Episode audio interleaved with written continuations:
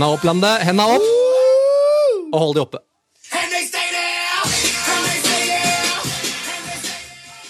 Yes. Hvilken låt? Ja, altså, den eh, Snakk om å dra sammen alle klisjeer. Og det funker som faen for meg Ja. ja det- den er funka innpå det vi skal prate om i dag. Yes. Funka ganske bra for meg òg, den her, altså. Gjør det. Ja. Nei, det er deilig. Nå kom jeg i modus. In the mode. In the mode. Bra. Nå er det ikke så lenge siden Oi, sånn. Nå er jeg her.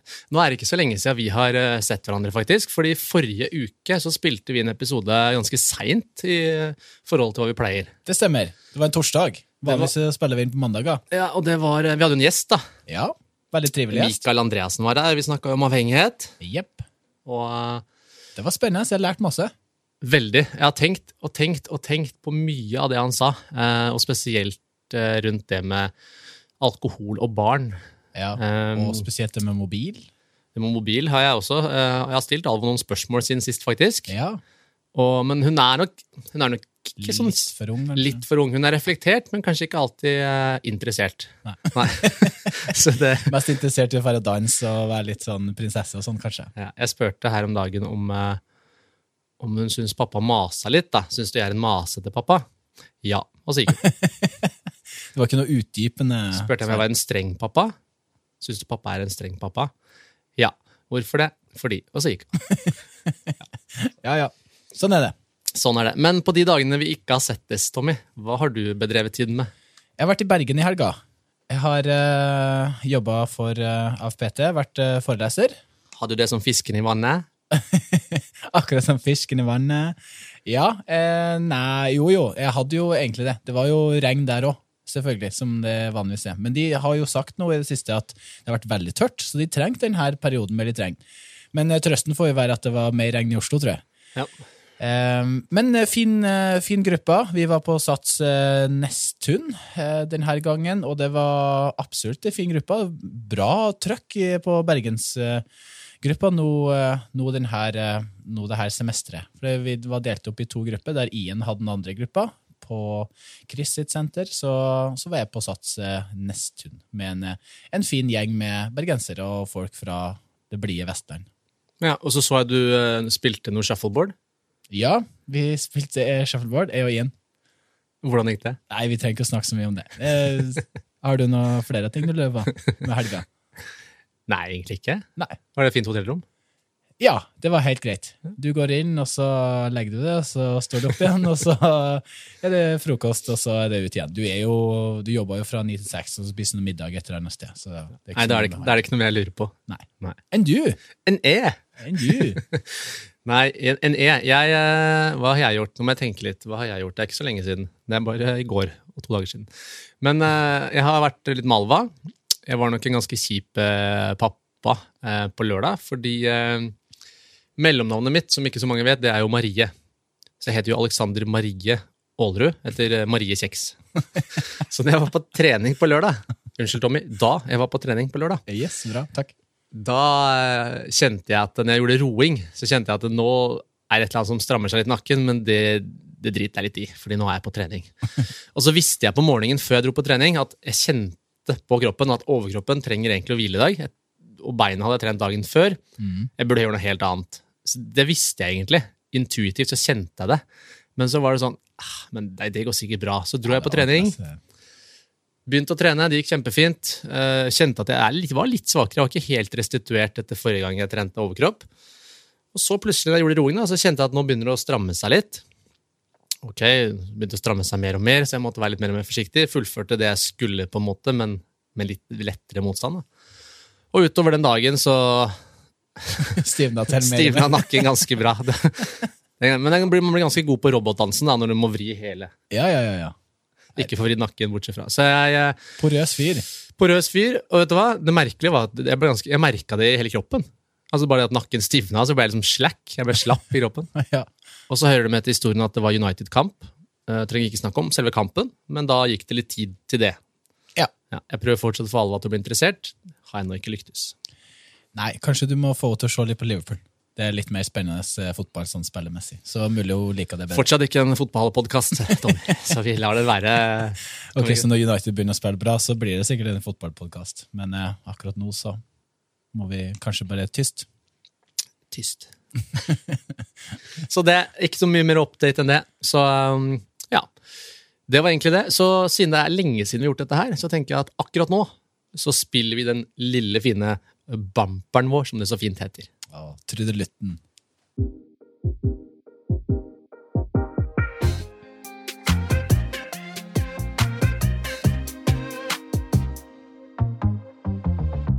Yes, da vil jeg ønske velkommen til podkasten Litt for personlig trener med Alex og Tommy. Hva har du på hjertet i dag, Alex? Hva skal vi snakke om? I dag skal vi snakke om eh, det å sette seg mål. Oi! Ja. En stor del av jobben vår, er det ikke det? Jo, jeg vil si det. Ja. Og eh, jeg syns det er et ekstremt spennende tema. Et tema som eh, blir prata masse om, men som jeg tror også ut ifra hva jeg erfarer når jeg snakker med både kunder og kanskje andre trenere, studenter, et emne som, eh, som selv om det blir prata om, så kanskje ikke alltid blir gjort så mye med. Ja. Enig. Mm. Så nei, Vi skal snakke en del om det. Vi kommer til å prate litt om eh, en modell vi kan bruke for å lage oss mål. Og så tenkte jeg at vi skal drøfte litt på en måte Hva er egentlig det her med målsetting? Hvorfor trenger vi det? Og er det eventuelt sånn at det kan være mindre sunt noen ganger å ha for konkrete mål? Så nei, masse, masse ting vi kan eh, dra opp her, altså, Tommy. Ja, artig. Du jobber jo både som personlig trener og som mental trener. Jeg regner med du bruker målsetting eh, ganske, ganske ofte? Ja, gjør det. Ja, Ja. det gjør jeg òg. Mm. Ja. Så fint. Tror du andre Skal vi som, takke for i dag? Tror du andre som trener, um, setter mål? At de er gode på akkurat det der? Kanskje ikke nødvendigvis de som er personlig trener, eller sånt, men de som bare trener på, på egen hånd. Tror du de eh, bare går inn og trener og så bare satser på en god følelse, og så gir de litt bang i om de har noe mål? Eller eh, tror, de at, eh, tror de at eh, det tror jeg, det tror jeg er veldig forskjellig. Og det å, å på en måte jage en god følelse, det kan jo være et mål i seg selv òg, så lenge du yep. vet stegene for å få den følelsen du er ute etter. Um, og så tror jeg det er både òg. Jeg tror vi skal skille mellom Hvis vi skal da bruke disse klisjeene Vi starta med en klisjésang. Jeg skal prate litt mer om det her etter hvert. Men uh, hvis vi skiller mellom ønsker og mål, Ja. Så tror jeg veldig mange kommer på trening eller eh, i livet generelt og har ønsker. Jeg skulle ønske at. Jeg klarte så og så mye i benkpress, eller jeg skulle ønske jeg så sånn ut. Eller jeg skulle ønske jeg hadde den, den jobben og tjente så og så mye penger. Men så er det det her med å konkretisere det. Og den jobben tror jeg det er en del som egentlig ikke er villig til å ta. Så vi setter oss den endelige destinasjonen. Men når du skal begynne å konkretisere, så må du også konkretisere noen steg. Og for å ta de stegene så hender det noen ganger at du må ta noen valg som kan være litt ubehagelige. da. Eh, og der tror jeg dere at eh, det er en del å hente hos en del. Ja. Hva tenker du når det kommer til eh, det, For mål må jo være realistisk òg. Det har vi jo allerede vært litt inne på nå, da. Men jeg tror det veldig mange setter seg for høye eh, målsettinger, sånn at det er for langt frem, sånn at man bare etter hvert så gir man, gir man opp. Ja, det tror jeg helt klart. Og den R-en, altså realistisk, den er jo den modellen vi skal inne på, så vi tar den veldig snart. Men for å gå litt inn på det, Tommy, så, så pleier jeg å beskrive det litt sånn som at uh, det målet du setter deg, da, det må i hvert fall finnes uh, et eller annet sted på det kartet du har, så du klarer på en måte å se dit. Så du må på en måte For det første må du kunne tenke deg at, at du er der, og at du kommer dit. Du må jo tro på det sjøl. Hvis ikke så er det et urealistisk mål, tenker jeg da, i første omgang. Og så er det ikke opp til deg eller meg eller andre å fortelle hva er realistisk for hver enkelt person. Eh, annet enn hvis det er selvfølgelig inne på vårt eh, fagfelt. Da. Så hvis en kunde kommer til deg og sier hei Tommy, jeg har lyst til å lære meg muscle-up, jeg skal lære det innen neste uke, for jeg skal delta på konkurranse, men jeg klarer ikke én pullup. Mm. Da kan jo du som en coach si at det er ikke realistisk. Men om en kunde kommer med en målsetning som er litt lenger fram i tid, eh, det kan være innenfor helse, da, som vi prater om nå, eller det kan være andre ting i livet, hvis jeg, hvis jeg coacher mennesker på andre områder. Da. da tenker jeg at før vi helt tatt har sett på mulighetene, og kanskje sett på ulike veier dit, for det kan være man må ta det man kaller for en omvei, da. så man må ta ulike kalde omveier for å komme tilbake på den hovedveien man skulle ønske man tok, så kan det være mulig. Og det er ikke nødvendigvis vår oppgave å fortelle personen. Det er ganske mange som har blitt verdensmester, eller ikke mange, men i ulike idretter, eller kommet langt i en idrett, eller fått en jobb som, som virka liksom helt sånn sprø i utgangspunktet. Så hva er det som har gjort at de har klart det, når det virker umulig i utgangspunktet? Så jeg tror ikke vi skal ta fra drømmene til folk heller. Nei. Nei, det tror jeg er ganske viktig. Men å gjøre ting så realistisk som mulig. Det er jo veldig mange som, i hvert fall kunder som jeg har, eh, som jeg har og som jeg har hatt, eh, som gjerne skulle ønska at de kunne ha trent fem-seks ganger i uka. Men så er det ikke realistisk. Og da må du jo senke forventningen i forhold til målsetninger derifra òg. Og én ting er å skal spørre en person hvor mange ganger ønsker du å trene i uka, men en annen ting er jo å spørre om hvor mange ganger i uka har du muligheten til å trene, sånn realistisk sett.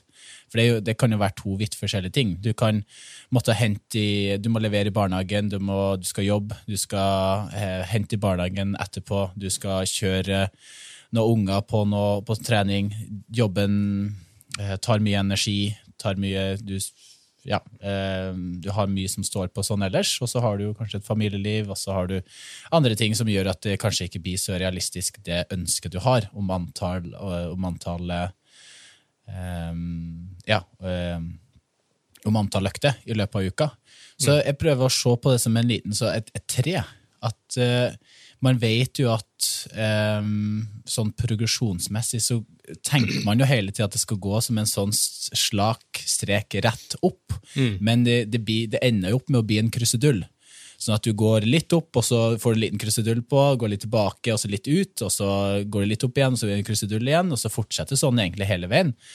Eh, Så jeg prøver å se på det som et tre. At du bygger liksom grunnstammen helt fra, fra begynnelsen av, og så vet du at et tre, ved siden av grunnstammen, så kommer det små sånne eh, greiene ut. Eh, så du begynner å bygge litt på greinen på den ene sida, så begynner du å bygge greinen på den andre sida. Så jeg prøver å se på det som en type målsetning. Så du, du vil ikke nødvendigvis eh, gå tilbake, men du begynner å la greiene ut som gjør at treet ditt blir større, og som gjør at du kanskje legger bedre til rette for den målsettinga som, eh, som du har satt. Mm. Det var et fint bilde. Ja, syns du det? Ja. Jeg bruker ikke å være så god på bilder, men jeg kom på det akkurat nå, faktisk. Oh, ja, Det Ja. hørtes ut som det var noe som du pleide å bruke. Ja, nei, nei jeg tenkte på det nå. Men ja. å bygge den grunnstammen, og så få Jeg tror, du, jeg tror du ser ganske mange flere bilder enn du er klar over. For det er sånn du forstår ganske mye. Ja. Så du har nok ganske mange bilder i hodet. Det er ikke sikkert du bare forklarer hva du ser. til enhver tid. Men eh, nei, det her er litt kult. Jeg hadde en, eh, en workshop faktisk eh, for personlige trenere forrige uke, som gikk litt på det her. Og eh, jeg har begynt å bruke en modell eh, som jeg har fått ganske mye eierskap til etter hvert. Eh, det er ikke min modell. Det er en businessmodell som har vært brukt mye, og som har vært omgjort. Og så har den nye modellen eh, blitt da lagd av eh, en av mine store idoler når det kommer til coaching. Eh, en svensk coach som heter Kjell Enhager. Han har jeg hørt et par ganger, eh, hørt om et par ganger. Ja, jeg syns han er helt fantastisk. Jeg har vært og sett han live og, og sånne ting òg. Han har en modell han kaller Nøra. Og så er jeg sånn at når jeg skal bruke en modell sånn som det, så klarer jeg ikke helt å bare ta den rett av uten å lage min egen eh, verdi på det. Så jeg har lagd min egen modell, som er egentlig det samme, men den heter Smurt. og det er fordi at I mitt hode så er det sånn at når vi følger alle disse stegene, og det funker, noe det nesten aldri gjør, da, men skulle det funke, i teorien, så går alt som smurt. Ja. Og S-en der står for et ståsted. Og jeg tenker at Før vi helt tatt prater om målsetning, da, så er dette litt av jobben vi har, og som du som hører på har hvis du skal sette deg mål, det er at du finner et ærlig ståsted, først og fremst. Fordi det er litt som, igjen skal vi dra Google Maps-analogien, da, så er det sånn at hvis du skal et sted, og du starter med å skrive inn i Google Maps hvor du skulle ønske du var akkurat nå, i stedet for der du er, så får du en helt annen eh, retning. Og du kommer mest sannsynlig til å ende opp feil, for du kommer ikke til å gå riktig. Du finner jo ikke fram i det hele tatt. Så du er nødt til å ha et ærlig ståsted. Vi prata litt om det her med Elaine. Det å tørre å se seg sjøl i speilet for å kunne gi slipp. Så det er S-en i smurt. Eh, M-en er da målsetning, som vi skal prate mer om. Så det kommer vi inn på snart. U-en står for utfordringer, fordi du kommer til å møte utfordringer underveis. Så det er litt sånn når vi jobber med mennesker, så hender det at vi stiller spørsmål til kundene våre. da. Hva er det som kan gå galt? Hvilke utfordringer kan vi komme til å møte? Og skal jeg nevne ett navn on the top of my head, eh, som jeg tror vi kjenner som er best på å tenke mulige utfordringer før det dukker opp, så heter han Espen Arntzen. Typisk eh, worst case thinker. så han har vel tenkt ut 100 utfordringer vi kan komme til å møte i AFPT før det skjer. Noe som gjør at han er forberedt. da. Ja. Kjenner du det litt igjen i det der? Eh, ja, jeg kan absolutt være litt sånn at jeg tenker, eh, tenker eh, hvilke utfordringer kan komme, og det kan også være med å hindre. Så vi skal på en måte, vi må ha en balanse på hvor lang tid eller hvor mye energi bruker jeg på hver, hver av disse punktene. Ja. For det må være en balanse mellom ok, jeg legger energi og fokus på målsetningen, for det vil skape en drive og en motivasjon. Men hvilke mulige utfordringer kommer, sånn at jeg kan fortsette å jobbe i den krusedulen som du snakker om. da. Ja. Og da trenger vi neste, som er R. Ja. Og det står for ressurser. Ja. Så hvilke ressurser er det jeg trenger for å håndtere mulige utfordringer som dukker opp? Og så, når jeg har alt dette klart, så er det et punkt som er veldig vanskelig for mange. Og jeg kjenner meg igjen, jeg, altså. Og det er T, siste i smurt. Og den tok jeg med for å klare å få med kidsa, og det er for take action, så det er engelsk. og det handler jo om da å gjøre disse tingene. Ikke sant? Så hvis jeg har en målsetning klar, jeg har ståstedet mitt klart, jeg møter utfordringer, har ressursene, så må jeg faktisk gjøre de tingene jeg trenger å gjøre for å håndtere det. Og det kan også være ganske ubehagelig, da. Kult. Har du, du har laga den her sjøl? Nei, altså jeg har tatt den ut fra noe som heter Nøra, Ja, ja, men uh... men smurten har jeg lagd sjøl. Å ja. Ja. Gratulerer. jo, takk. Det er kanskje derfor jeg ikke har hørt om den før. Ja, jeg lagde den forrige uke. Ja, ja. Eller før, før workshopen. da. ja. ja men den var bra. Kult. Takk, Tommy. Kanskje du skal skal the copyright eh, på den, altså? Jeg kan, jo- kan late som, men eh, som sagt, det er jo bare mine ord på en allerede, en allerede modell som er laget. da. Ja, ja, men det er i Sverige. Nå er du i Norge. Det er i Sverige. Han har brukt den i ganske mange deler av verden. altså. Ja, ja. Ja. Men hvis vi ser litt på, uh, på M, da, altså mål. Ja. Når vi underviser for AFPT, Tommy, så har vi en modell vi lærer bort. Og vet du hva jeg snakker om nå? Eh, ja. Det heter PP Smartø. PP Smarte. Og jeg husker første gang jeg lærte den modellen, da jeg tok PET-studiet, så het den bare Smart. Ja, det stemmer. Jeg utvikla seg litt, med tre så og så husker jeg at den het Smartøff en periode. Ja. Uh, og så heter den nå PP Smarte. Skal vi gå gjennom PP Smarte litt sånn uh, bokstav for bokstav? ja, du kan gjerne starte. Skal jeg starte? Ja. Ja, Den første P-en i PP Smarte står da for positivt formulert. Ja. Og det vi mener med positivt formulert, det er jo litt sånn Tommy, kan du nå la være å tenke på en rosa isbjørn? Altså, du jobber, Tommy han kniper øynene og tenker hardt her. Grunnen til at jeg sier isbjørn, er for alle sier elefant, så jeg må si noe annet. da. Så jeg kunne jo heller sagt hva du skal tenke på. Ja. Ja. Så det med positivt formulert handler litt om at veldig mange mennesker eh, kommer til et punkt hvor de har lyst til å gjennomføre en endring, når de har det, unnskyld språket, jævlig nok. Så veldig mange sier sånn Jeg vil ikke fortsette å være i så dårlig form. Jeg kommer til PT i dag fordi jeg ønsker å unngå å kjenne meg så dårlig. Jeg har ikke lyst til å være overvektig mer. Så det er veldig mye sånne ting med hva er det jeg ikke ønsker. Jeg har ikke lyst til dette. Jeg vil ikke være her. Da er det jo ekstremt viktig at vi tenker på hvor er det du faktisk har lyst til å være. Fordi dette her er jo et konsept som jeg da Igjen, eh, vi har jo motivasjon. Og motivasjon, i ordet motivasjon, så vil man jo mot noe. Så tenkte jeg, hva er det motsatte av motivasjon? Jo, det er jo frativasjon. Da vil man fra noe, ikke sant? Så frativasjon er jo da smerten man kjenner, og det kan jo være en ekstremt sterk driver for mange. Altså, blir det ubehagelig nok, så kommer vi til å ville gjøre noe. Spørsmålet er bare hvilken retning skal du løpe? For hvis ikke så er det bildet jeg ser for meg en hund som løper etter halen sin. Så da vil han mot noe, men løper bare i sirkel. Og, så det brenner under rumpa på meg. Jeg vil vekk fra den brannen, men hvor skal jeg gå? Og hvis ikke jeg vet retning, så ender jeg ofte opp tilbake igjen der hvor det brenner. Så veldig viktig at det er positivt formulert. Hvor er det du vil? Så når du sa til meg 'jeg vil klare 100 kilo i snatch', husker du det, Tommy? Ja, det husker jeg godt. Ja. Så sa du det veldig på. tydelig. Jeg jobber på. Ja, jeg har sett det, og vi skal Ja. snakke litt om det. Ja, ok. tenkte jeg. Vi må, dra, vi må dra inn det igjen. Ja, ok. Men da sa ikke du 'jeg vil ikke kun klare 90 kilo'. Ja. det Ikke sant? Mm. Du sa 'jeg vil klare 100 kilo'.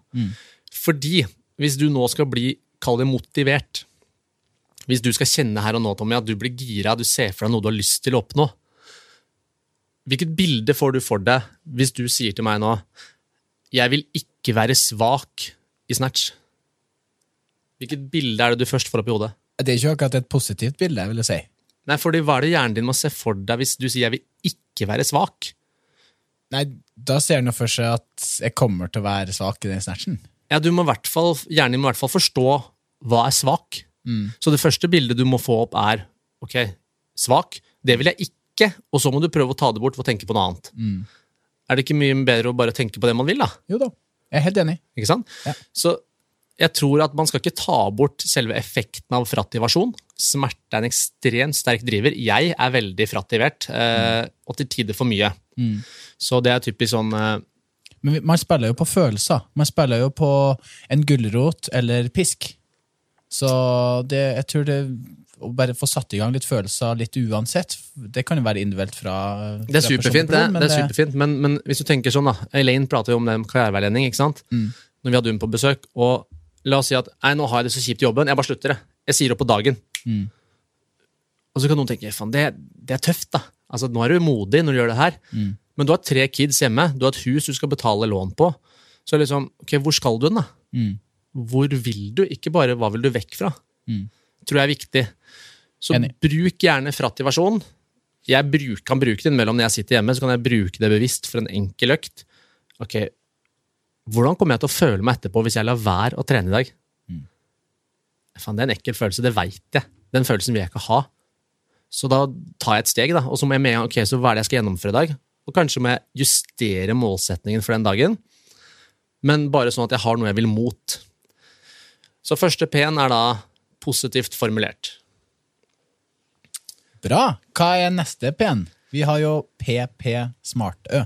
PP. Neste P står jo for eh, personlig. Er det du som vil ta 100 kilo snatch, Tommy? Eller er det noen andre som vil at du skal gjøre det? Nei, jeg tror ikke det er noen andre som har sagt at eh, Tommy, kan ikke du være så snill å ta den 100 kilo snatchen, sånn at eh, jeg kan føle glede? Nei, jeg tror ikke det. Det, det er nok eh, litt mer min egen del, men for min egen del. Men um, du gjør det jo kanskje Alt gjør man jo kanskje ikke bare for for seg sjøl. Man gjør det kanskje noe for å imponere andre, og for at Jeg føler meg, jeg er jo en crossfit-coach. Jeg, jeg skulle til å si og ånda for det her. Jeg, jobba i hvert fall eh, med det, sånn treningsmessig. Så jeg føler at det er en morsom treningsform, men at jeg ikke nødvendigvis trenger å bli best i, i landet i det. Jeg, tror, ja, jeg og Frank har jo tatt hverandre i, eh, i hånda på at vi skal stille i 65 til 69 masters. Da skal vi være på topp. Så jeg har egentlig allerede, eller nettopp starta min sånn treningsperiode. Så jeg ser jo da 30 år fremover i tid. Jeg vil ikke det være ganske tidsbestemt? Jo, vi har ikke kommet dit ennå. Nei, stemmer det. stemmer det. Så vi har tatt eh, hverandre i hånda om at uh, da, skal vi, uh, da skal vi være på topp. Så 65 til 69 år, altså. Så det blir spennende. Det gleder jeg meg veldig til. Men det, det er jo litt sånn når du jobber som coach, så har du jo lyst til å være, du går foran som et sånn godt eksempel og sånt på, på crossfiten. Ikke nødvendigvis for at, du skal, um, for at du skal løfte mest mulig, men for at du skal ha god teknikk, og for at du skal liksom kjenne deg litt igjen i det som de andre medlemmene kjenner litt på, når de har satt seg litt mål, og når de liksom, tar en ny PR osv. Så, videre. så jeg synes det, det er litt, litt derfor jeg gjør det òg. Ikke Ja. bare for mine egne. Nei, og jeg tror det er litt sånn For jeg, nå sa du det er ingen som har sagt til meg at jeg skal klare At jeg skal klare 100 kilo i snatch. Men uh, tror du det er sånn noen ganger at andres meninger, eller kanskje hvis vi snur på det, hva vi tror andre mener, i stor grad vil påvirke hva vi tror selv vi mener? Så kanskje vi på en måte drukner litt i hva vi faktisk tror andre forventer og mener. Og så glemmer vi egentlig å se på hva er det jeg egentlig vil. Hva er det som er mitt personlige mål som hadde gjort at jeg hadde det bra. Ja. Så jeg tror at samfunnet forventer at jeg skal ha en viss muskelmasse, jeg skal se ut på en viss måte, for jeg jobber som personlig trener, jeg skal ha en viss fettprosent. Um, alt dette gjør at ok, så målet jeg setter meg, blir farga av dette. Kanskje er det egentlig ikke hva jeg vil, for det er ikke det jeg blir glad av. Nei, og det ser man jo Og jeg personlig, nå skal jeg bare inn, ta innrømme, altså dette har jeg gjort mange ganger. Jeg tror jeg ofte har måttet gå i meg sjøl og tenke er det jeg som vil det her? Vil du det her, Alexander? Eller er det her ting du tror andre forventer, og derfor så sier du til deg selv dette vil jeg oppnå? Ja. Ja, jeg er helt enig, og det tror jeg du har nok sikkert fått noen sånne kunder, du òg, der enten mannen eller dama hjemme eller sønnen eller dattera eh, har sagt at ok, nå må du komme deg i form. Nå må du ta kontakt med en personlig trener, og nå må du bli i bedre form. Nå er det nok eh, sofasittinga og potetgullspisinga, så nå skal du komme deg i form. Og så spør du jo da på denne første timen, som man vanligvis har, der man har en anamnese, en kartlegging og en screening, så spør man ja, hva, hva er målsetningene dine for, for videre, videre trening? Hva ønsker du å oppnå? Nei, eh, kona mi ønsker at eh, jeg skal gå ned fem-seks kilo i, i, vekt, og skal gå ned så og så mye i livvidden, og så sa hun om en øvelse som heter markløft, at hun hadde lyst til at jeg kanskje skulle klare 70-80 kilo den. Så da, da, er vi jo inne på det der med personlig ansvar for målsett, målsetninga si. Mm. Og det er viktig du sier, personlig ansvar. Vi skal komme litt inn på det her etterpå, hvordan man kanskje kunne vridd denne fiktive kunden du snakker om, mm. eh, inn på sånn at det blir personlig for den. For Vi skal snakke litt mer om betydningen av målet etterpå. Mm. Men jeg tror det du sier nå, personlig, altså ikke bare at det er ditt mål, men å ta personlig ansvar. Hva er det du kan kontrollere? Mm. Så Uh, oss, altså jeg har jo hatt kunder, Du prater med kunder om alt mulig som personlig trener, og det er ikke det at vi prøver å være en psykolog, men det dukker jo opp ting i en samtale. Mm. Og jeg har jo hatt kunder som da har ulike ønsker da, i livet, og, sier, og sier kanskje at de setter seg et mål. Så la oss si nå, Tommy, at uh, rent teoretisk, selvfølgelig, for dette er jo ikke sant, så unnskyld til alle håpefulle jenter der ute. Tommy er taken. Men la oss si du var singel. Ja. Og så sier du at jeg har et mål Alexander, om å skaffe meg dame. Ja. Er det noe du Det målet, den enderesultatet, er det noe du kan kontrollere? Nei, det skal jo helst være en annen person òg, skal det ikke det? Jo, helst da, hvis ikke du skal ha forhold med deg selv. da bare. Ja, Men det er flere som har det, er det ikke det? Jo, men nå sa jeg du skal ha dame. Ja. ja. Så da, det er jo ikke noe du bestemmer nødvendigvis. Det er samme som at jeg vil ha den jobben. Dette er mm. målet mitt. Ja, Men det er jo en annen person som bestemmer om du kommer til å få jobben. Mm. Så hva er det du kan kontrollere? Ikke sant? Kjempebra. Uh, og der, Dette er også et konsept jeg har stjålet rett av, for jeg synes det var så jævlig bra når jeg hørte det. En som heter Barvin Katie i USA, hun snakker om noe som heter My business, your business og God's business. Mm. Har du hørt det? Nei, ok. Nei, hun sier at my business er jo ting som jeg kan kontrollere. Ja. Og your business, det er hva du gjør, mm. så hva alle andre gjør. Eh, og God's business er jo det som skjer utafor vinduet hos oss nå. Det regner. Ja. Jeg har glemt paraply, så jeg kan bruke veldig mye energi på selvfølgelig å være irritert over det. Mm jeg får ikke gjort så veldig mye med det. Nei, ting du ikke kan påvirke. Riktig. Så jeg tror nok veldig mange av oss mennesker bruker mye energi i kanskje bolker vi ikke kan påvirke. Enig. Så hva er det alle andre på jobben gjør som gjør at jeg ikke får gjort jobben min? Mm. Ikke sant? Eller hva er, det, hva er, det, Ida gjør, eller hva er det Pernille gjør som gjør at du reagerer på en viss måte? Ja. Så man legger ansvaret på andre. Mm. Ikke sant? Så det tror jeg er viktig at personlig ansvar for, for målsettinga si. Mm. Mm. Enig. Ok, da har vi tatt PP. Mhm. Da har vi en uh, S. Og den står for Spesifikt, gjør ikke det? Spes, spe, spesifikt, ja. uh, vanlig målsetting, Tommy. Jeg har lyst til å komme i god form. Ja. Den har du hørt noen ganger. Den har jeg hørt et par ganger. Ja. Og da er det sånn Jeg pleier å si det sånn at spesifikt betyr at du skal kunne se for deg det. Du skal kunne se for deg målsettingene oppi hodet. Du skal kunne kjenne hvordan det kjennes ut når du er der. Mm. Se hvordan det ser ut rundt deg. Kanskje til og med hvis du har noen lukter du tenker det kommer til å lukte når du kommer dit. Spørs hva du har som målsetning. Mm. Men det skal være klart, et klart bilde oppi hodet ditt. Hvis du ikke klarer å se det for deg Så når jeg som kunde sier til deg jeg har lyst til å komme i generelt, eller komme i god form, da, Ja. da er du nødt til å dra ut det bildet av hodet mitt. Fordi jeg har kanskje et spesifikt bilde, Mm. men du som trener har jo ikke filla peiling på hva du skal gjøre. Nei. Så hva innebærer det å være i god form? Kan ikke det være en eh, oppfølgingsspørsmål da? Det kan være et veldig fint spørsmål. Så hva betyr det for deg Mm. å være i god form? Hva er det du Da hender jeg sier rett ut. Hva er det du ser for deg?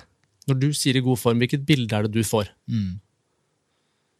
Og så kommer vi litt mer inn på det. Nei, da, da, har, på en måte, da har jeg kanskje litt mer overskudd da, til å leke med, leke med barna når jeg kommer hjem fra jobb. og kanskje har lyst til å ta en tur i skogen i helgene. Ok. Så hvis vi snakker om overskudd, ikke sant, da er vi inne på dette igjen. Overskudd. Eh, da kan vi egentlig bare gå videre på neste, som er M-en, som er målbart. Fordi hvor målbart er f.eks. overskudd? Er det sånn at du kan titte inn i et vindu på kunden din og så se ja, nå er du på en firer, så hvis vi bare fyller på litt overskudd på sida her nå, så er vi på sjueren? Tenk så deilig det har vært. Ja, det har vært fint. Ja, det har vært veldig fint. Så der er vi inne på det. Eller en sånn karmakonto.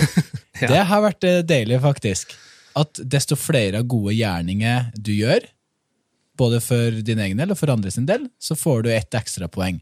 Nesten litt sånn Super Mario-aktig. Så har vi gått litt rundt i, i livet og hadde en sånn karmakonto. Desto høyere den var, desto mer smila livet. Men skulle bare du ha sett det, eller skulle alle andre sett det òg? eh, kanskje bare du? Ja, for tenk hvordan det hadde vært hvis du hadde gått rundt og sett mennesker, og så hadde du sett hvor på karmakontoen ligger de. Ja, det har vært litt Uh... Da, da lurer jeg på, hvis du da skulle fått en ny venn, Ja. ville du gått bort til en som ligger bra an på karmakontoen, eller dårlig? Eh, kanskje både òg. Funnet litt forskjellig. Funnet noen som har ligget høyt, eh, der den personen kan påvirke det. Og så kan eh, du ta en som er litt eh, lavere, sånn at du kan være med å påvirke den. Men jeg tenker at hvis du ser selv at du kan ligge lavt på karmakontoen, Ja. så veit du at da må du jobbe hardt. Så den vil jeg ha som venn. Kommer jo til å få alt mulig rart. Kommer til å bli spandert på, dra på middag. Det er jo superdigg. ikke sant? Ja, ja, men du kan jo være med å påvirke et annet menneske, da. Positivt. Ja, det Også, Og så, det kunne jo vært bra med å ha den personen som var mindre i karmakontoen. I kjent tråd så sporer vi litt av her. Ja. Men eh, både spesifikt og målbart. Ja. Og målbart, da, som sagt, hvis det er noe subjektivt, så kan vi bruke en skala. Typisk 1 til 10, for eksempel. Så la oss si at du nå vil ha mer overskudd for å kunne leke med barna dine. Så når du kommer hjem fra jobb i dag, på en skala fra 1 til 10, hvor mye overskudd føler du at du har når du kommer hjem? Nei, jeg har kanskje fire, da. Ok. Hvordan vil det kjennes ut hvis du er på en sekser? Hva vil være annerledes? Hva er forskjellig da? Hva gjør du? Hva ser du? ikke sant? Og da kan kanskje gjøre at den personen får et litt annet type bilde oppi hodet sitt. Og så kan det jo være at i dette målet, spesielt når vi kommer til det vi driver med, som er da trening, at vi skal prøve å dra disse tingene mer spesifikt på, på ting vi kan gjøre på trening. Eh, som vi også kommer litt til, da, som er prosessen underveis. Men at i hvert fall kunden vår, at de som har målet, og eierskap til målet, har et bilde og har noe de kan se for seg, Mm. Viktig. tror jeg er veldig viktig. Mm. Bra. Og så er vi på A, Ja, og da må det være attraktivt. det er viktig. Og det, den føles kanskje litt sånn selvsagt, men igjen, det går litt hånd i hånd med kanskje det at det skal være personlig og sånne ting òg, at det må være noe du har lyst til. Det skal gi deg liksom den derre Det skal gi samme følelse som jeg får når jeg hører eh, DJ Khaled med All I Do Is Win. Ja. Skal liksom hoppe fra stolen her. Godfølelsen. Litt sånn feel good, eller good feel, som du bruker å Jeg sier kalle ikke det. good, feel, good feeling. Nei, du sier good feel. Du skal få lov å gå tilbake på tidligere episoder, Tommy, så skal du få høre at jeg har good feeling. Ok. Men sånn som jeg gjør nå Ja, hoppa i stolen. ja. Ja. Den følelsen der, Jeg veit at ikke alle får like overtenning som jeg får, men du skal, når du ser fra en målsetning, så skal du kjenne at det prikker litt. Og liksom, dette har jeg virkelig lyst til å oppnå. Mm. Det skal skje noe i kroppen, det skal bruse litt. Det skal det, altså. Ja. Så det tror jeg er veldig viktig. Eller det vet jeg er veldig viktig. Ja. For at vi skal få det vi ønsker ut av en målsetning, som er egentlig en høyere dopaminutskillelse, for å på en måte få en drive til å gjøre noe. Mm. Vi snakka litt om det med dopamin når Mikael var her. Og dette er ekstremt eh, viktig når det kommer til det med målsetning. Du skal bruke målsetning på den måten som gjør at du får et ekstra kick, et ekstra gir. da. Kjempebra. Veldig bra. Da er vi på PP SMA, Ja, og så kommer vi til R, som du allerede har nevnt litt. Da. det snakka vi om i stad. Ja, Det er reality-TV. Ja, realistic. Ja, det var det. Ja. Du må være realistisk, ja. Uh, ja, så Vi nevnte jo det så vidt det var i stad. Muscle up-eksempelet. Eh, det- så det må være realistisk, eh, både for deg, så du som eier har målet, må kjenne at dette er realistisk. Hvis ikke du har tro på det, så tror jeg det er vanskelig for, for deg å få det til. Og så må det være innenfor rimelighetens grenser. da. Eh, Det må det være. Så visse ting er umulig. Det går, du kan fint gå ned ti kilo på en dag. Da må vi bare kappe av noen lemmer på kroppen. Ja. Så det er kanskje ikke det beste måten å gjøre det på, men, men det går, da. Ja. Og der er man inne på forskjellen på å, som vi sa med Mikael, tror jeg også, ville noe og være villig Ja. til å gjøre noe. Det er to forskjellige ting. Mm.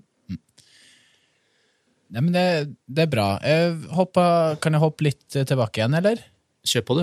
Ja. Dette er jo ikke noe sånn hvor vi har uh... Jeg får tenkt litt på S-en og liksom på M-en, eh, spesifikt og målbart. For det er jo mange kunder som, som kommer til det, eller som kommer, kommer til meg, til en personlig trener generelt, som kanskje ikke har så mye greie på trening. Som bare ikke vet hvilke type målsetninger eh, man skal sette. Der man har sånne litt sånn uspesifikke målsetninger, sånn som du snakka om i starten. Men at det kan være en fin start til å bare komme i gang.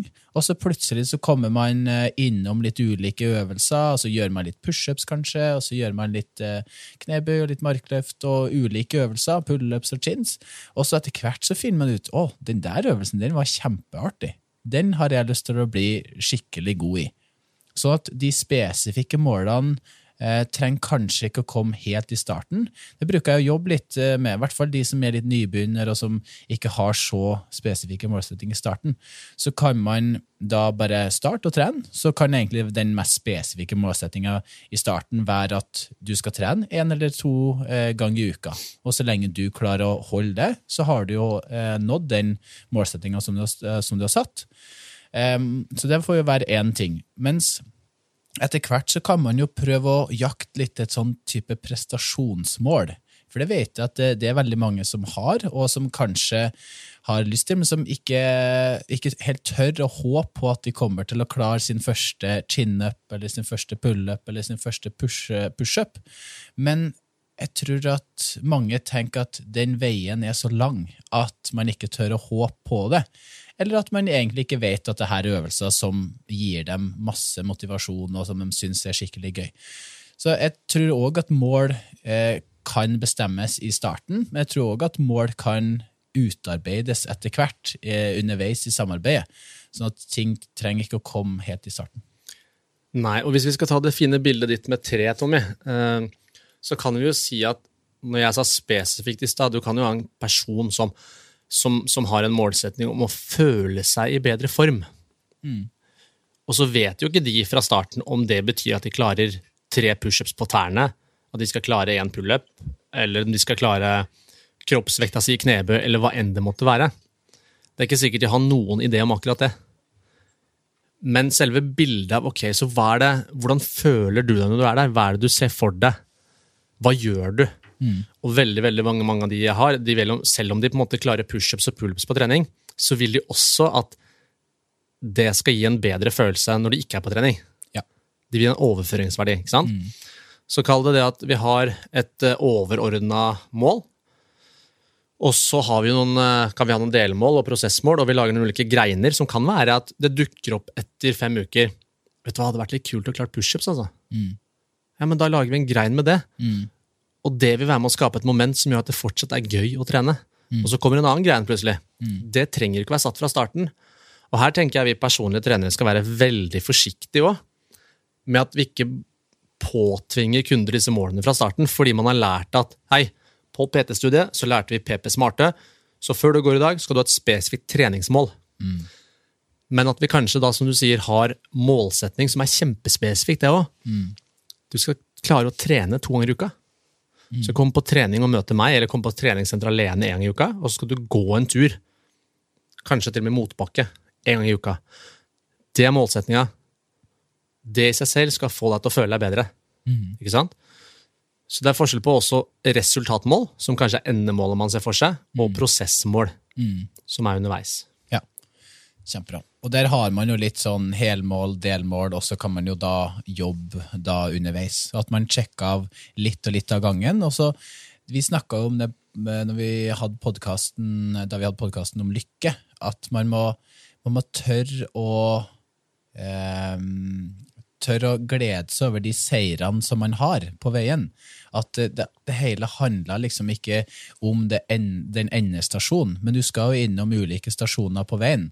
Sånn tar du toget herifra til Bergen, så går det ikke direkte dit. Eh, ikke ennå, i hvert fall, men du skal jo innom ulike stasjoner på veien. Eh, og det her tror jeg, tror jeg, er viktig, fordi at jeg vet at det er veldig mange bedrifter der ute som ikke nødvendigvis har hovedfokus på den store store målsettinga der, der, oppe, men at det er veien som er målet. Ja, det er litt sånn både og. Jeg tenker nummer én så vi, kan vi si det sånn, og det kan høres litt sånn negativt ut, da. Men jeg pleier å si til kundene mine, eh, etter at vi har fått det dit hvor de er motiverte og har lyst til å gjøre dette, og funnet et mål, så sier jeg og så skal du være klar over det, at det eneste du kan være sikker på, det er at du aldri kan være sikker på at du kommer til å nå målet ditt. Mm. For du veit jo aldri hva som skjer. Mm. Så la oss si målet ditt er å sykle Trondheim-Oslo. Mm. Og dagen før så har du fått så mye hemoroider at du klarer ikke å sitte på sykkelsettet engang. Og det er ikke aktuelt for å stå da. ikke sant? For eksempel. Eller noe annet som kan skje. Ja så hvis det er målsettinga, men du har disse prosessmålene underveis som er med på å bygge dette momentet, som fortsetter å skape motivasjonen. Mm. Uh, og det er litt viktig at folk vet også, at vi tenker på at motivasjon er ikke alltid noe som bare kommer til oss. Vi Nei. kan få en boost av inspirasjon ved å høre på noen låter og tenke på hva vi ønsker å oppnå. Mm. Og tro meg, jeg har brukt alle klisjeene som fins. Eh, da jeg hadde tid til det, så satt jeg to timer på YouTube, for eksempel, så på videoer, spilte musikk, gira meg opp, bare for å komme meg på trening. Mm. Det funka. ja. For meg. Ja. Ikke sant? Funker ikke for alle, det funka for meg. Mm.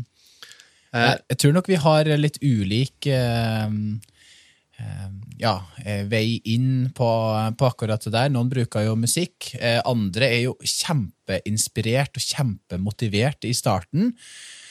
Eh, til å nå de her målsetningene sine, og de syns treninga er kjempegøy, og så har det plutselig gått en måned, og så begynner, man å stagnere litt eh, i eh, både økning av eh, belastning og progresjon i treninga og ting som skjer med kroppen osv. Og, og da, da, er det veldig mange som etter hvert faller litt av, for at man har ikke opparbeidet den sjøldisiplinen enda. Og så, Vi snakka jo det her med om eh, eh hva, hva var det jeg skulle bruke her nå av ord? Ikke individ. Jo, vi snakka jo med, med, Mikael om akkurat det der, at eh, identitet var det jeg mm. ute, var ute etter. Sånn at I begynnelsen så har du kanskje ikke bygd opp en identitet om at du er en aktiv person, eller en person som faktisk trener.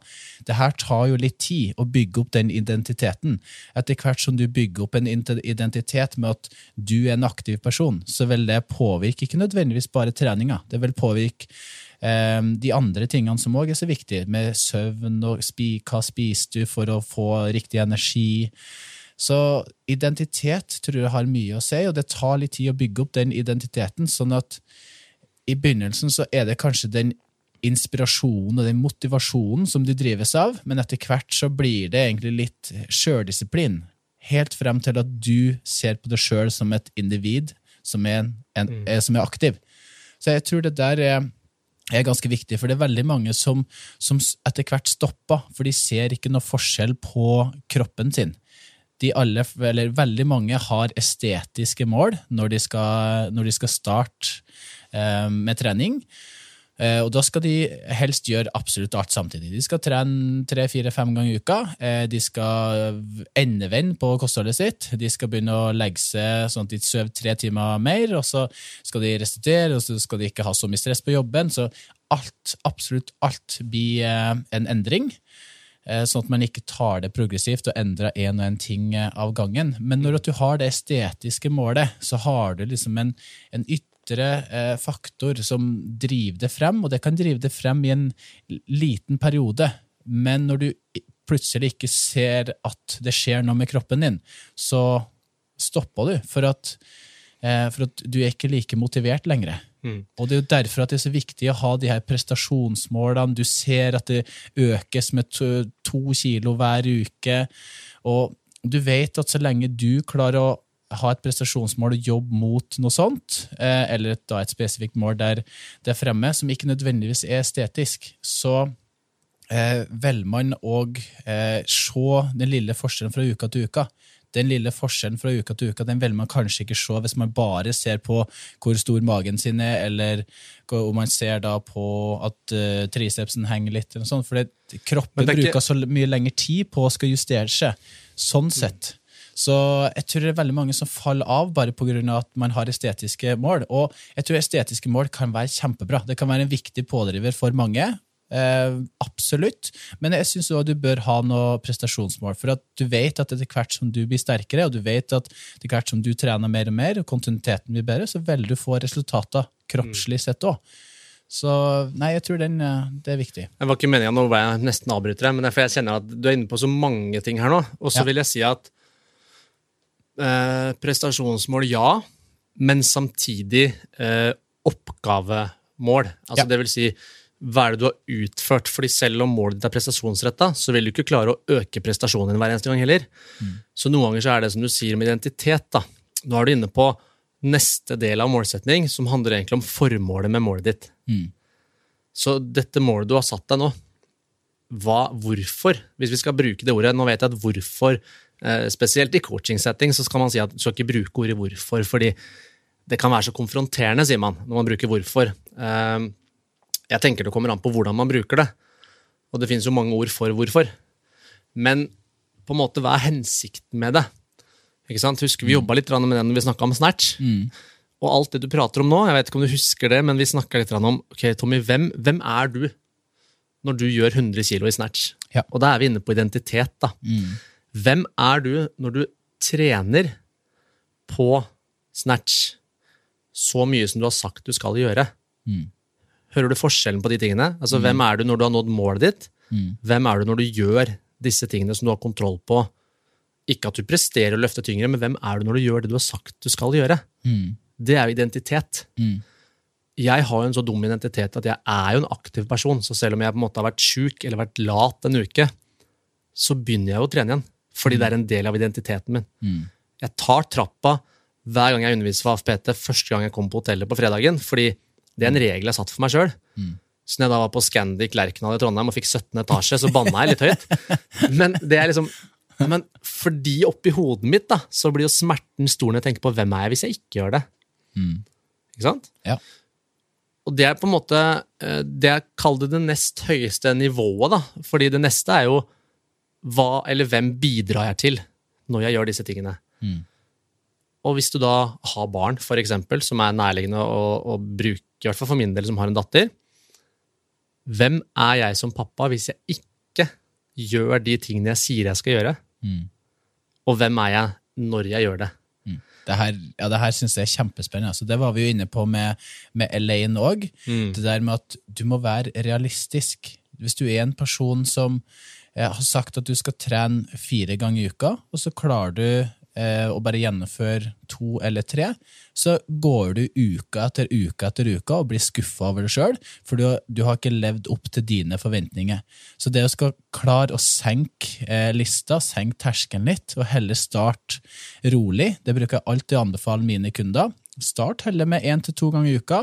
Ser du at det går fint, du har lyst, du har motivasjon, du har tid til å øke, ja, gjør det, men ikke start fem dager i uka, og så bli skuffa uke etter uke etter uke.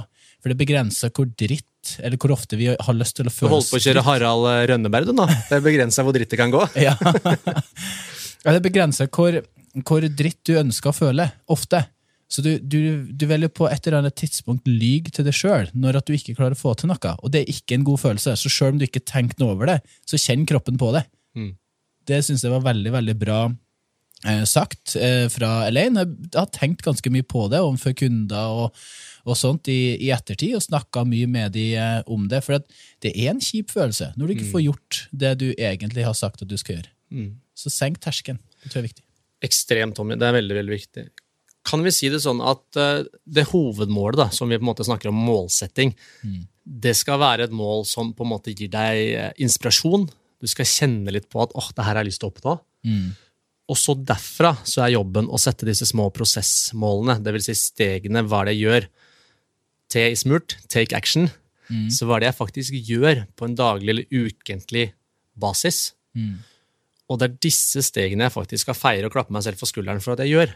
Jeg gikk på trening i dag selv om jeg absolutt ikke hadde lyst. Jeg droppa treningssenteret. Jeg var keen på å ligge på sofaen og trykke inn på smågodt. Men jeg gikk faktisk ut i regnet og gikk meg en tur. Da skal jeg klappe meg sjøl på skulderen for at jeg gjorde det i stedet for å ligge på sofaen. Men det jeg ofte føler, er at fy faen hvor ræva jeg er som ikke gikk på trening, for det var det jeg sa. Så du er nødt til hele tiden å redefinere ståsted. Hvis du har gått i byen og du ikke har plukka opp telefonen og sett på Google Maps på en stund, eller du har kart i skogen og du ikke veit hvor du er, da må du ta opp kartet og så må du Å ja, jeg har nytt ståsted. Jeg kan ikke bruke det samme som jeg nå trodde jeg hadde. Og derfra så er det ikke sånn at du er på minus fem og kommer til minus to. Du må alltid tenke at dette, nå nullstiller jeg meg. Et steg videre, det er et pluss. Og der tror jeg vi har mye å hente, mange av oss. Helt enig. Helt enig. Kult. Ja, jeg syns det her er veldig spennende, da. Det syns jeg jo. Det her er jo en stor del av eh, jobben vår. Mm. Så nei, kjempe, kjempespennende. Og så én ting til. Vi snakker om mål og formål. Så hvis vi sier at det er hvorfor, så er det jo ikke sånn at alle vet hvordan. Og da tenker jeg at kan vi ikke være litt flinkere til å, til å spørre om hjelp? Mm. Kan man ikke liksom være litt tørre og på en måte si at vet du hva, jeg har lyst til dette. Mm. Jeg vet ikke hvordan. Mm. Og jeg vet i hvert fall ikke hvordan jeg skal sette det så små steg at jeg får det til. Mm. For det de fleste gjør, er at de har den perfekte planen. Det blir så store steg som du snakka om, og så får man ikke det til. Mm. Så på en måte være litt flinke til å spørre folk, da. Ja, søk kunnskap. Søk kunnskap, søk hjelp. Mm. Ha noen å spare med. Og det, det tenkte jeg jo på med en gang da du snakka om ressurser i stad. Ikke nødvendigvis det er de ressursene som du, bare du innehar, eller av materialistiske ting, eller av så type ting, eh, men òg folk rundt. Mm. For hvis du har ei målsetning om at du skal trene så og så mange ganger i uka, eller det er bare et eksempel, så må du ha støtte hjemmefra. Du må ha en mann som er forståelsesfull, du må ha ei kone som, som backer det. Hvilken bokstav er du inne på nå? For dette er siste bokstaven i modellen vår. vet du. Ja, Dette er Ø. stemmer det. Økologisk. Økologisk. Og det handler ikke om fri for sprøytemidler. Det handler om, Selv om sprøytemidler, som eh, Morten prata om, det skal vi heller ikke ha inn her. Det handler om det du er inne på nå. Mm. Uh, her har jeg lyst til å dele en historie fra noen år tilbake. hvor uh, noen år, Det er faktisk ti år siden. Oi, Ja. det er lenge siden. Da gikk det et TV-program som het En ny start. Kari Jakkesson, da hun var eh, opptatt av trening. Ja, Hun eh, leda, gode, gode leda det programmet. eh, og så var vi en del trenere rundt om i landet som hadde ansvar for hver vår deltaker. Da var jeg så heldig at jeg fikk lov til å ha ansvar for en deltaker. Ja, Dette var mennesker som hadde en god del ekstra fettmasse på kroppen og skulle ned i vekt. Mm. Endre livsstil, rett og slett. Deltakeren jeg fulgte opp, hun gikk ned en god del i vekt de første månedene. Mm. Og så sa det bom stopp. Og hun trente jo da i starten eh, like mye. Eh, og rapporterte inn til oss at hun spiste det samme. Det vil si hun lagde de samme middagsmatene osv. Det vi etter hvert fant ut, var at hun hadde en mann som også var veldig overvektig. Som ikke takla at kona gjorde det såpass bra og gikk ned i vekt. Så når hun da satt på kvelden og lagde seg en fruktskål med da yoghurt og frukt og sånne ting, og skulle sitte og spise og være da flink i hennes øyne, Mm. så satt han seg ned da med en bolle potetgull ved siden av. Ja. Så økologien rundt var jo ikke akkurat til stede. Nei. Så derfor så ble det veldig vanskelig for henne, og etter hvert begynte hun å gå opp i vekt igjen. Så du er nødt til å ha støtte rundt miljøet rundt, som vi prata også en del om med Morten og han begynte med anabole steroider. Miljøet har så mye å si. Ja. Skal du drive med landeveissykling, eh, Tommy, så er det flaks at når du har drevet med det, at du ikke da har noen barn eller sånne ting. fordi at det da, Hvis jeg kommer hjem til Ida og sier du, nå skal jeg begynne med landeveissykling, så søndagene framover så blir jeg borte fem timer. Ja. Det er ikke økologisk. Så det er viktig det også å stille seg spørsmålet er dette forenlig med de folka jeg har rundt meg. Kjempeviktig. Mm. Glemte vi en bokstav inni der nå, da? Vi hoppa kanskje over en. Nei da, vi har tatt alt nå. Ja, vi, tok vi tidsbestemt òg? T1. Det her høres ut som typisk Tommy Alex-podkast. PP Smart. Sånn, ja. Bra. Alva driver og lærer bokstaver om dagen. Sånn bokstavlyder. Ja. Tidsbestemt, ja. Ja, hvorfor er det så viktig, hvis vi skal ta det litt sånn kort? Hvorfor var det viktig for deg å vite innen når skulle du klare 100 kg i snatch, eller, og også, når skal du sykle Trondheim-Oslo? Nei, det er jo fordi at uh, det skal være litt sånn motiverende, at du skal jobbe litt mot, uh, mot målet, og at du skal vite eksakt, eller sånn cirka når at uh, det skal skje. For det, det, det er jo det som gjør, avgjør prosessen videre. Hvor, hvis at jeg da har et mål om å sykle Trondheim-Oslo, så, så det som jeg hadde, så hadde jo ikke jeg satt det i juni, og jeg skulle sykle i juli. Det har ikke vært Nei, men hadde du det- hatt like stor innsats hvis du hadde sagt, Sånn som du hadde da nå, hadde du hatt Mm. like stor innsats inn mot det hvis du hadde sagt jeg skal sykle Trondheim-Oslo en eller annen gang. Ja, definitivt. Så det, det er jo veldig stor forskjell. Ja. Det er det. Så på den måten så er jo tidsbestemt, eller det at du skal bestemme tida på, på når det skal skje. Der var Ida ganske bra en periode hjemme hos oss. Altså. Hun sa sånn Jeg sa jeg skal vaske badet. Når da? Så da var hun ganske god på coaching når hun begynte sånn. Ja. Når da? Jeg skal vaske bad i løpet av uka. Vi Når begge, da? vi begge vasker bad, det høres det ut som. Ja, jeg har badeansvar. Ja, jeg òg. Ja. Fredager. Jeg har ikke vært så flink i siste, så jeg lurer på om vi skal avslutte snart, Tommy. For det her, nå kjente jeg ble litt varm i pappen her. Men eh, ja, tidsbestemt er en viktig del av det. eh, Og det er både for å kjenne litt det presset som vi kanskje trenger noen ganger, jeg trenger det i hvert fall, og for at man da skal, det skal bli mer reelt. Ja. Og da, når man har satt tid, så hopper man ofte tilbake igjen til forrige bokstav, som er realistisk. Det hender at man må gjøre om, både på tiden, eventuelt hele målsettinga, når man setter tiden. Så når folk har liksom, type sånn målsettinger som er estetiske, med å komme inn i bikinikroppen innen sommeren nå, så hender det man må gjøre om på noe. Ja. Men eh, PP Smarte, sikkert en del av dere som har hørt det før. Hvis du har hørt det før, men ikke brukt den, og ikke skrevet ned målet ditt, for dette er også en ting som er viktig, så prøv. Ikke si at det ikke er noe for deg hvis du ikke har testa. Prøv, og så jobb med stegene underveis. Og hvis du ikke har hørt om det før, prøv du også. Test modellen. Lag deg et mål som er ditt eget personlige, spesifikke mål, som du blir gira av å tenke på. Og så kan du begynne å jobbe med små prosessmål underveis, med hva du skal gjøre på daglig basis, på ukentlig basis, og ikke være redd for å spørre om hjelp da, hvis ikke du vet helt hva du skal gjøre. Det finnes så mange ressurssterke mennesker rundt som kan hjelpe til. Så gjør det. Enig. Enig. Amen. Bra, Tommy. Da er det nok en eh, episode gjennomført, og vi skal lete av døgnet, vi. Ja, lete at dørene. Uh, Syns det var spennende, Se. Lete av døgnet, sa jeg nå. Ja, døgnet. Jeg glemte den her. Med r-en inni der. Ja, nei, um, igjen syns jeg det var, at det var en ganske bra episode, så at jeg skal være litt sånn ydmyk og Ja, jeg elsker at du alltid Du på en måte evaluerer oss i slutten av episoden. Ja, jeg syns det var bra. Ja, men det er ikke så mange andre som evaluerer, så vi må jo kanskje gjøre det sjøl, da. Kanskje her det er opp til eh, Mikael, hvis du hører på, du var gjest sist. Jeg fikk en ganske god dose imposter syndrome etter at han var her. Jobba 35 år i radio. Så eh, jeg er kjent på det i etterkant, altså at dette her, eh, her har vi mye å gå på, Tommy. Ja da. Men det er deilig. Ja, det, det er, Det er godt deilig. Her kan vi sette oss et mål. Det kan vi. Det kan vi. Bra. Langt der fremme. Kan vi ha en spesifikt mål innenfor det? Langt der fremme. Det kan vi. Ja. Kan ikke du med din fløyelsmyke stemme takke for oss, eh, Tommy Lande? Jeg vil ikke akkurat si at jeg har noen fløyelsmyk stemme, men tusen, tusen hjertelig takk for at dere hørte på oss i dag. Det her var da podkasten Litt for personlig trener med temaet målsetting. Vi høres igjen. Vi ses kanskje et Og vi leses på Instagram, ikke glem det. Det gjør vi òg. Tusen takk for at du hørte på. Vi snakkes. Shalabais. Whoop.